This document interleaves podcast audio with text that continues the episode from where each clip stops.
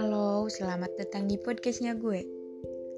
Ini podcast pertama, kayaknya gue bakalan ngebahas masa lalu nih. Sepintas, kalau dengar kata masa lalu tuh otak sama hati gue langsung spontan. Oh, kenangan. Susah sih, terlebih kalau ingetnya orang lama, lebih tepatnya mantan.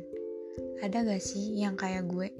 Kalau lagi kangen masa lalu atau mantan, lu pasti dengerin musik galau gitu ala-ala kayak seakan semesta sama lagu tuh menyatu buat dukung lo untuk gagal move on.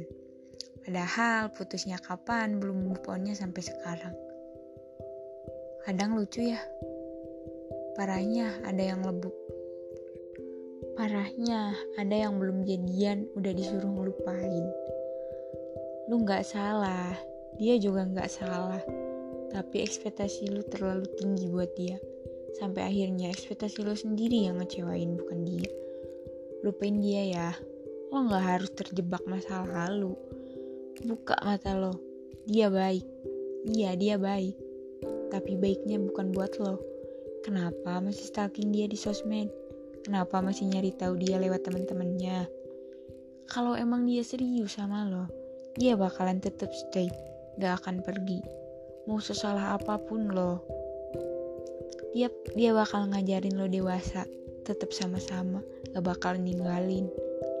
Mau sampai kapan terjebak masa lalu? Gak capek ya? Mau stuck berharap ke dia? Hmm, menurut gue ya orang yang paling menyesal adalah orang yang gak bisa mengikhlaskan masa lalunya.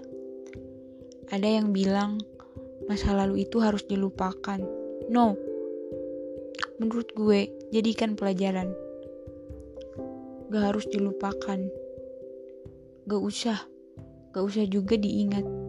Lu simpen baik-baik aja jadikan pelajaran. Karena lo gak bakalan bisa sampai bertahan di titik ini. Lo keren. Lo harus berterima kasih sama diri lo. Jangan mau terjebak masa lalu apalagi dianya nyakitin mulu hey gak mau ketemu orang baik di masa depan. Kalau emang lo masih mau sama masa lalu lo, ya udah jalani semampu lo. Kalau capek, udah ya, gak usah ngemis. Lo harus punya limit, oke? Okay? Mau sampai kapan lo ngejar dia? Mau sampai kapan terjebak masa lalu? Makasih ya udah mampir di podcast gue. Anyway, lo keren, kita sama-sama bangkit ya. Jangan mau dihantu-hantuin sama masa lalu. Apalagi dianya udah move on.